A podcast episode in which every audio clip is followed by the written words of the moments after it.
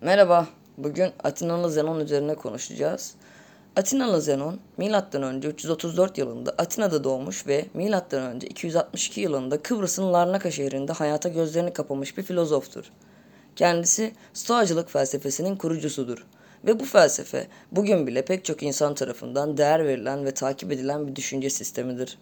Stoacılık, hayatın zorluklarıyla başa çıkmak ve ruhsal dinginlik elde etmek üzerine odaklanır. Zenon, bu felsefeyi geliştirirken kinik filozoflarla da etkileşimde bulunmuş ve onların öğretilerinden ilham almıştır. Zenon'un Stoacılık felsefesi, insanların doğal akışa uyum sağlaması gerektiğine inanır.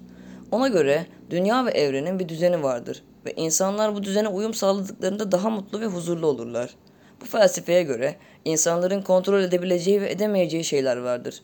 Kontrolümüz dışındaki olaylar ve durumlar üzerine endişelenmek yerine sadece kendi tepkilerimizi ve davranışlarımızı kontrol etmeye odaklanmalıyız. Zenon'un stoacılığı ahlaki erdemlilik ve özgürlük üzerine de vurgu yapar. Erdemli bir yaşam doğru düşünce ve doğru eylemle mümkündür. Zenon erdemli bir yaşamın huzur ve mutluluk getireceğine inanıyordu.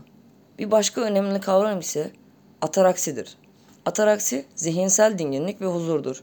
Stoacılığa göre insanlar düşüncelerini ve duygularını kontrol ederek ataraksi elde edebilirler. Atenalı Zenon'un Stoacılık felsefesi antik dönemde birçok insanı etkilemiş ve zamanla Roma İmparatorluğu'nda da popüler hale gelmiştir. Stoacılık günümüzde de ruhsal dinginlik ve yaşamı anlamlı kılma arayışında olan pek çok kişi için önemli bir rehberdir. Bugünkü bölümde umarım Atenalı Zenon ve Stoacılık felsefesi hakkında daha fazla bilgi edinmenize yardımcı olabilmişimdir. Dinlediğiniz için teşekkürler. Bir sonraki bölümde görüşürüz.